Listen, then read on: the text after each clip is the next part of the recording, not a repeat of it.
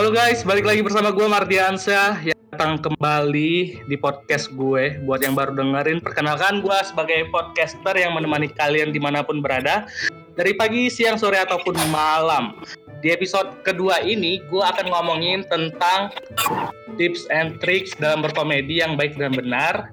Uh, masih bersama Kak Mod Sidik dan Kak G. Halo. Halo.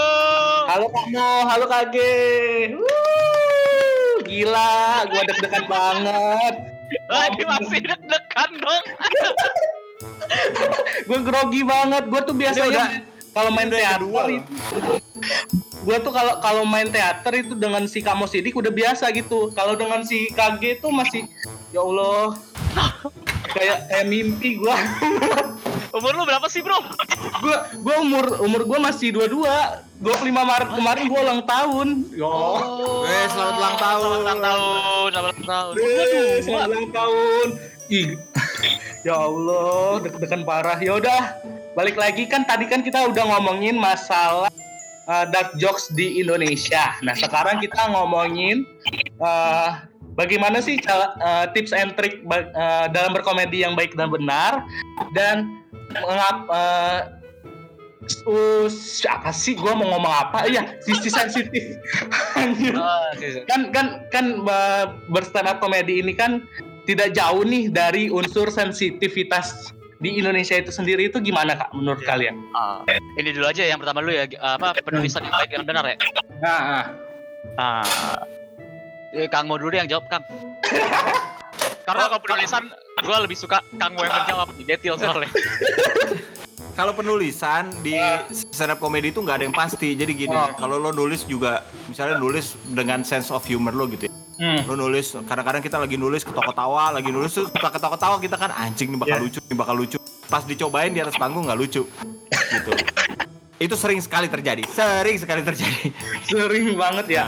Ya, jadi eh, kalau di stand up comedy itu ada tiga, ada nggak Oh. bisa cuma satu doang, nggak bisa cuma nulis doang. Yang pertama observasi, yang Hmm. kedua menulis, yang ketiga dicoba Dicoba. di open mic, gitu. Makanya nggak bisa, lu cuman menulis aja tuh, dia cuma satu dari tiga pilar yang harus dikerjain. Iya.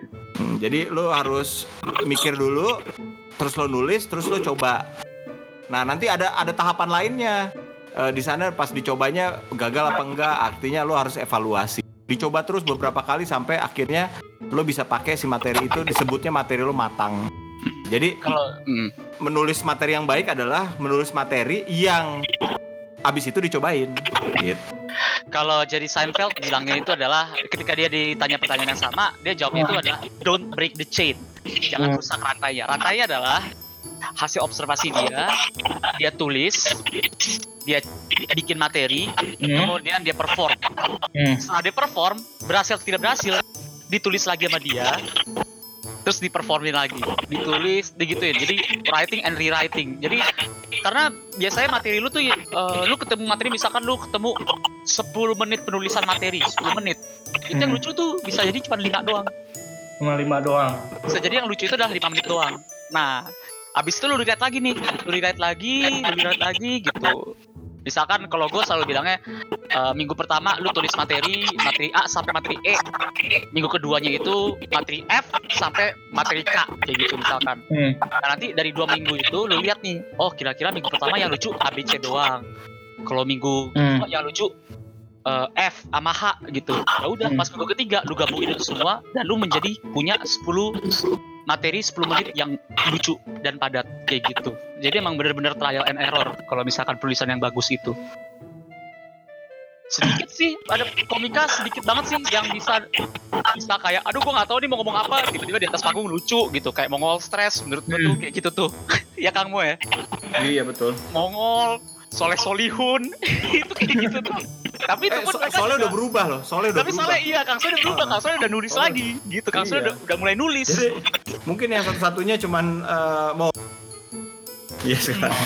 Mongol bisa Gitu. kayak gitu tapi Jadi- up komedian selalu kayak gitu ditulis lagi Uh, tapi uh, bi- itu gimana kak? Uh, yang ko- komika sensitif itu tadi? Ih, apaan sih gue nanya apa sih ya Allah deket Oh, bagaimana? aja. penonton Penonton yang sensitif.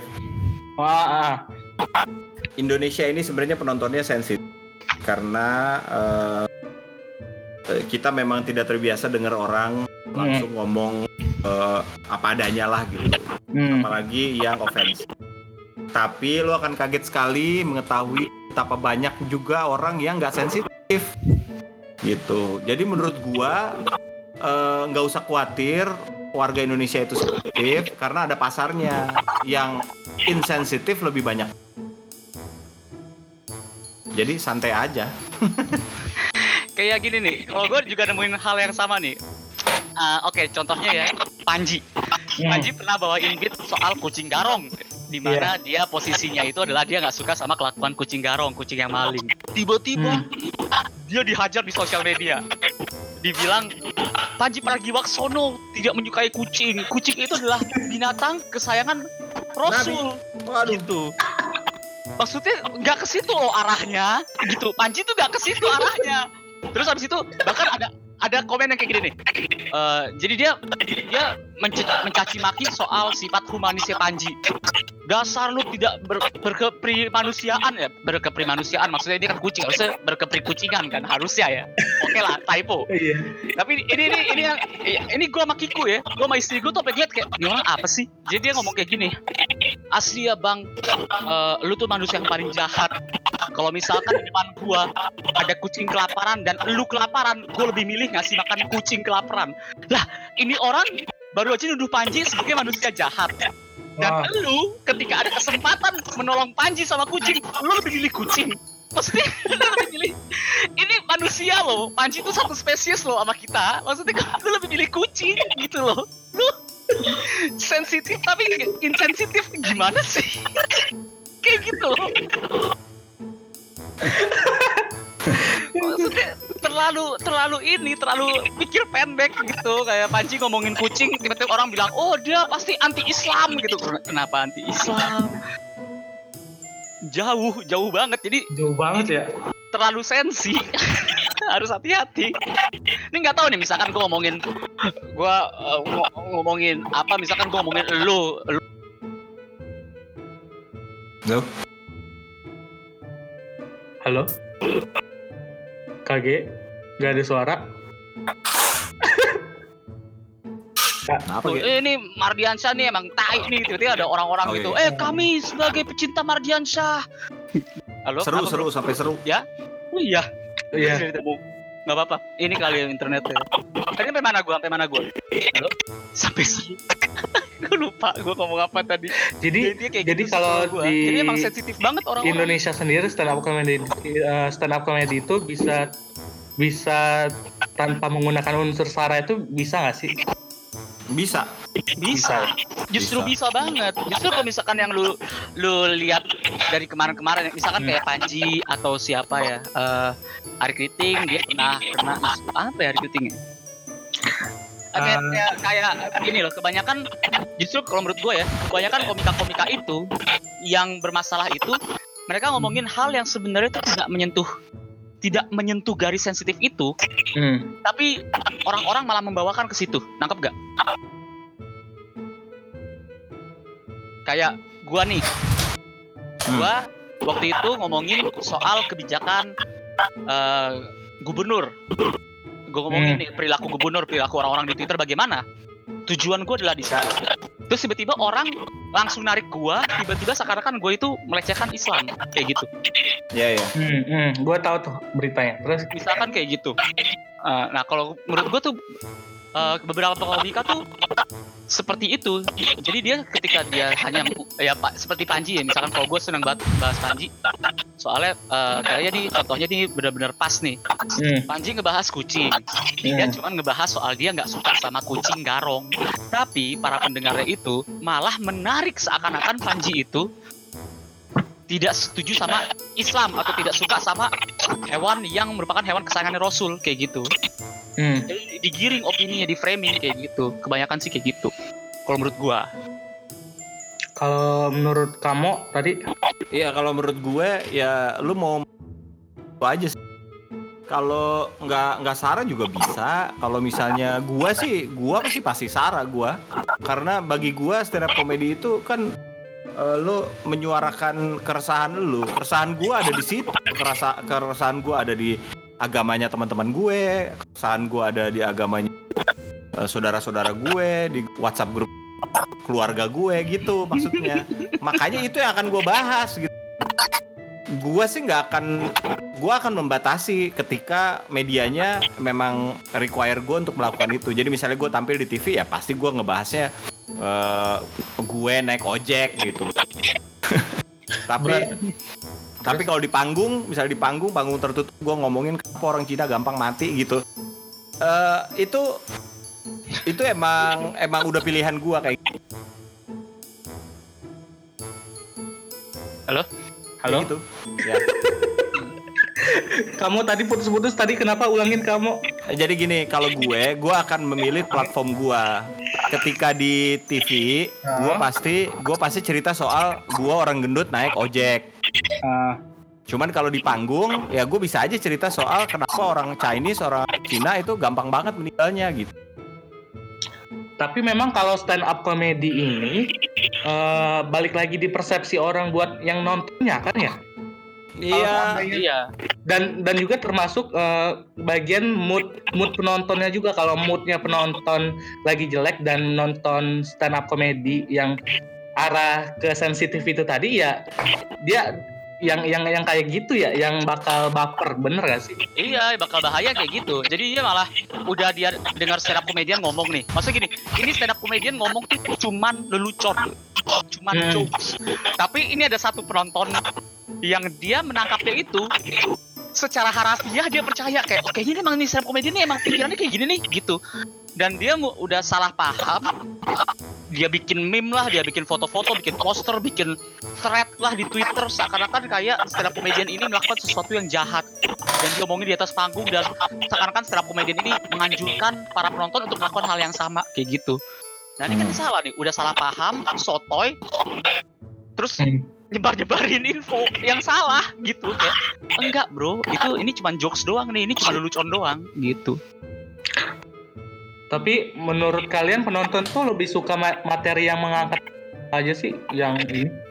Tapi Ya. setahu setahu gua ya, setahu gua itu eh, penonton itu bakal ketawa kalau seandainya kita ngejokes masalah ini kan unsur-unsur yang menyerang Sarah tadi. Tapi tapi Hmm. eh, kalau seandainya orang itu nggak nggak kena eh, nggak nggak masuk jokesnya mereka bakal tahu tapi kalau menurut mereka relate dalam kehidupan dia dia dia pasti tersinggung ya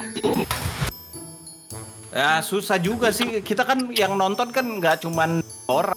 Yang nontonnya kan bisa 30 dan 40. Kalau misalnya kita harus ngelihat masing-masing keadaan eh, keadaan sensitivitas si masing-masing individu ya agak sulit. Cuman terpercayalah nonton komedi itu nggak nggak seribet itu kok, tenang aja gitu. Sekarang itu jadi ribet karena lu udah nontonnya gratis di YouTube, lu banyak omong gitu, banyak protes. Kalau orang-orang yang beli tiket buat nontonin kita mah nggak ada, jarang banget, jarang banget. Gitu. Jadi si orang-orang sensitif yang sering protes ini karena mereka nontonnya gratis. Iya, gratisan. Dan kalau kalau kita tanya apakah ini hanya Indonesia doang, enggak juga, karena luar juga kayak gitu. Bilber sempet kan Kang Eh, Bilber di- Iya. di show-nya diteriakin sama orang gitu. Maksudnya di Hmm. luar aja, setelah komedian luar aja, setelah komedian profesional juga mengalami hal seperti itu. Gitu. Jadi emang emang iya masalah dunia bukan masalah penonton Indonesia doang. Eh, kalau dari kalian sendiri ada nggak sih pengalaman eh, netizen atau tiba-tiba ada yang nonton show kalian yang nggak suka nih dengan materi yang kalian sampein? Kalau show orang berbayar sih so far nggak ada. Nggak ada. Kalau gua ada, gua ada ada. Ngomentarin eh, ini gua eh, kayak dia nggak suka sama materi gua kenapa gua ngomong kayak gini gitu-gitu. Eh, di situ biasanya kalau misalkan yang ngomong itu eh, di di Twitter atau di Instagram sopan, biasanya gua bak- Hmm? gua langsung jawab gitu. Itu yang nonton juga gratisan kan? Nggak. apa enggak enggak eh, waktu waktu show gua itu oh ada sih ada sih yang nonton gratisan sih ada sih iya iya iya iya iya. yang rata-rata yang komen bacotnya gratisan. Ah, ah. iya yang komen sama bacotnya banyak itu yang gratisan udah udah nggak bayar komentar lagi biasanya kalau misalkan komentarnya itu apa sih halus gitu nyampeinnya halus terus dia nanyanya itu emang concern biasanya gue balas gue balas bahkan gue bisa sempat minta maaf gitu kayak mungkin gue salah ya nyampeinnya sorry ya gitu tapi kalau misalnya ngomongin kayak udah sotoy sotoy gitu ya ampun udah amat deh gitu Itu itu kejadiannya pas pas lagi ini berstand up. setelah setelah stand up Setelah setelah di- terus dia dia menghampirin lu kak. Eh, ngomong di twitter. Nggak pernah nggak pernah ada yang kayak gitu. Nggak pernah nggak pernah ada yang bilang ah gue tersinggung nggak lu nggak pernah. Kenapa lu semuanya ngomong? beraninya di sosial media iya. Makanya haters itu adanya di sosial media doang. Pernah nemu beneran orangnya. Gue nemu Hmm. haters paling gara-gara gue lupa bayar orang apa itu baru. Ah, haters. Tapi gara-gara materi gua terus tiba-tiba dia namperin gua pulangnya gitu. Nggak so far sih dulu pernah di Malaysia pernah ada cuma keterlaluan gitu eh, jadi eh, j- jadi balik lagi nih ke yang itu jadi penulisan eh, materi juga penting juga ya. Iya. Ah, ah. Penulisan materi emang selalu penting kan. Kalau untuk bikin penonton ketawa dan juga untuk eh, untuk meminimalisir collateral damage gitu. Jangan sampai lu ketika lu eh, nggak apa tidak menulis materi dengan baik dan benar tiba-tiba orang ada yang tersinggung mendengar kata-kata lu yang lu tidak maksud seperti itu. gitu. Oh iya, eh, ada nggak sih perbedaan penulisan materi on air dan off air? ada dong Ada Kan ya? gua udah jelasin Ada. tadi kalau di TV beda kalau di kalau di panggung beda Tapi tapi kalau kalau di TV itu kebanyakan lebih ke di editing lagi ya. Enggak sih, di edit itu lebih ke durasi sih. Eh, dan iya, emang emang iya. Tapi kalau gini, kalau gue belajar dari Raditya Dika, Radit pernah ngajarin gue, Hmm. bayangin aja kalau misalkan lu stand up di TV, lu itu stand up cuma buat dua orang, Hmm. seorang ayah sama anak perempuannya. Nah, bagaimana caranya lu stand up sehingga ayahnya itu tertawa tanpa harus menutup telinga anak perempuannya, gitu. Hmm. Jadi harus seaman itu. Ibaratnya kayak gitu aja. Eh, da- material-material yang dilemparin di TV kita siapin, terus udah kita performnya di situ. Nanti masalah dipotong atau enggak itu editor. Soalnya editor bakal motong kan karena berarti kayak durasi misalkan dan segala durasi Ah, iya, merek nyebut merek Hmm. gitu.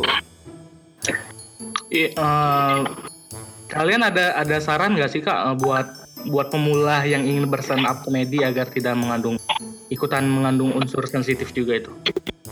kita kan nggak ngelarang lo sensitif cuman eh, bikin hal-hal yang kayak sensitif itu emang sulit. Itu kayak another level gitu. Jadi mendingan lo ikutan yang dari bawah dulu. Kalau emang mau blue boleh. Tapi lo banyak sekali yang harus lo kerjain. PR banyak banget gitu Hmm. jadi mendingan lo belajar yang ya kayak tadi kita udah omongin di podcast yang pertama lo belajar jalan dulu sebelum lo belajar lari Hmm.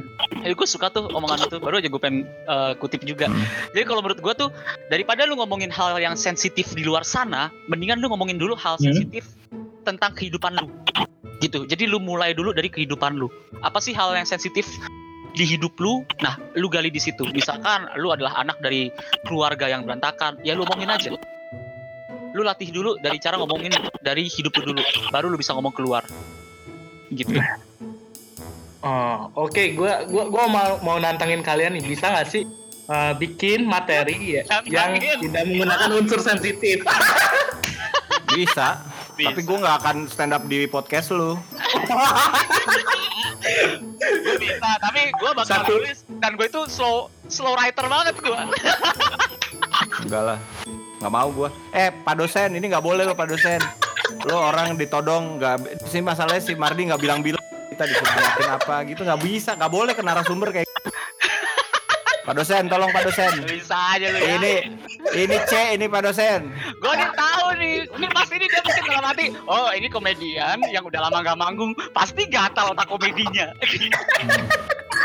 aduh, aduh.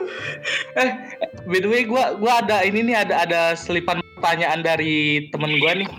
Oh, Dia iya. bilang katanya bisa belajar dari mana sih untuk para pemula itu tadi? Ada nggak sih komunitas sih kalau menurut gue.